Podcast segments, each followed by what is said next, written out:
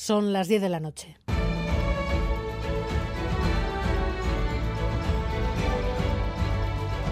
Radio Euskadi y Radio Vitoria. Servicios informativos.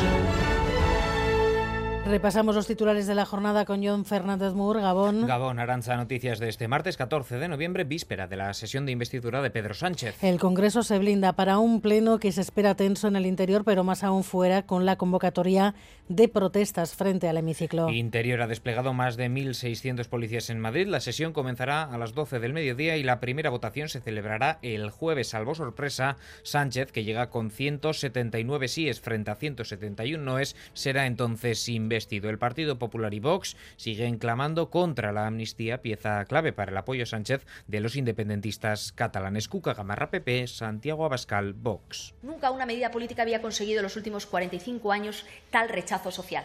Y ante tal rechazo social, solo hay un camino, y es rectificar y la rectificación tiene que venir de la mano de las elecciones para que seamos los españoles los que nos pronunciemos. Si el Poder Judicial hablan de un ataque a la división de poderes, confiamos en que utilicen todas las herramientas legales para detener ese asalto al Poder Judicial, para detener el intento de acabar con la igualdad de los españoles ante la ley. Una ley de amnistía que hoy han defendido numerosas voces autorizadas del PSOE. Es una ley impecable, según la portavoz del Gobierno Isabel Rodríguez.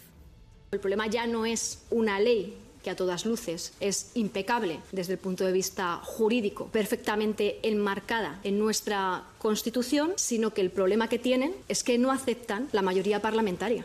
Entre tanto, el Gobierno vasco reclama que no se ponga en duda la legitimidad de un Gobierno elegido de manera democrática. Bingen Zupiría, portavoz. Constatemos todos que el Gobierno que va a surgir de esa investidura será el Gobierno legítimo que se deriva de los resultados que las diferentes fuerzas políticas obtuvieron en las pasadas elecciones generales. La CUA espera que el gobierno Sánchez eche a andar cuanto antes para que también empiece a cumplir a la mayor brevedad posible los compromisos que ha pactado. Y hoy precisamente se ha materializado un compromiso adquirido hace dos años por el Gobierno central. Sí, el Consejo de Ministros ha dado luz verde a la encomienda de gestión del acceso del TAP a Bilbao. El Gobierno vasco va a asumir las obras del acceso soterrado del tren de alta velocidad a la capital vizcaína a través de un túnel que saldrá de Basauri. La adelantará su coste, 230 millones de euros, y luego el Estado se lo devolverá. Con esta fórmula, el ritmo del proyecto ya no dependerá de Madrid, sino del Ejecutivo vasco, que quiere evitar nuevos retrasos. Las obras de todas formas no empezarán antes de 2026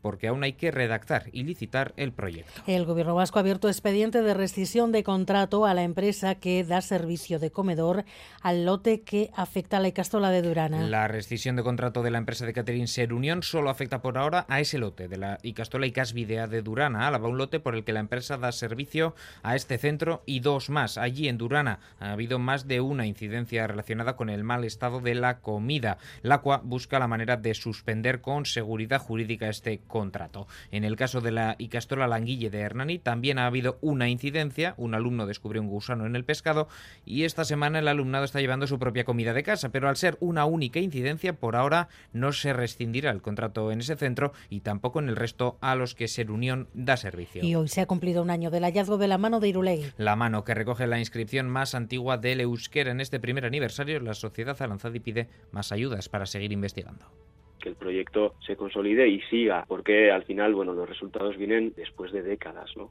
Hasta que se den descubrimientos como la mano de Irulegui, pues hace falta la trayectoria y la investigación de unos cuantos años.